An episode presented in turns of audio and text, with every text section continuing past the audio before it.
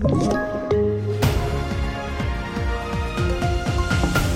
Det här är TV4-nyheterna som börjar i Turkiet där en person nu är gripen misstänkt för bombdådet i Istanbul igår eftermiddag.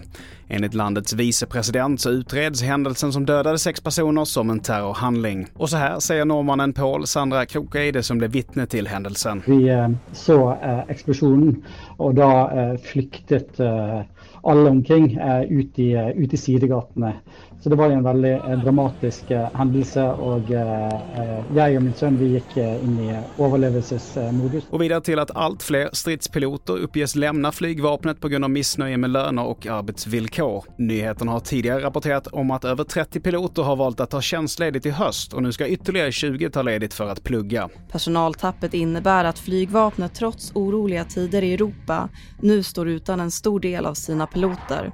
Enligt riksdagens utredningstjänst har piloterna drygt 20 000 kronor lägre i månadslön än andra myndigheters piloter. Och reporter här var Ronja Mortensson.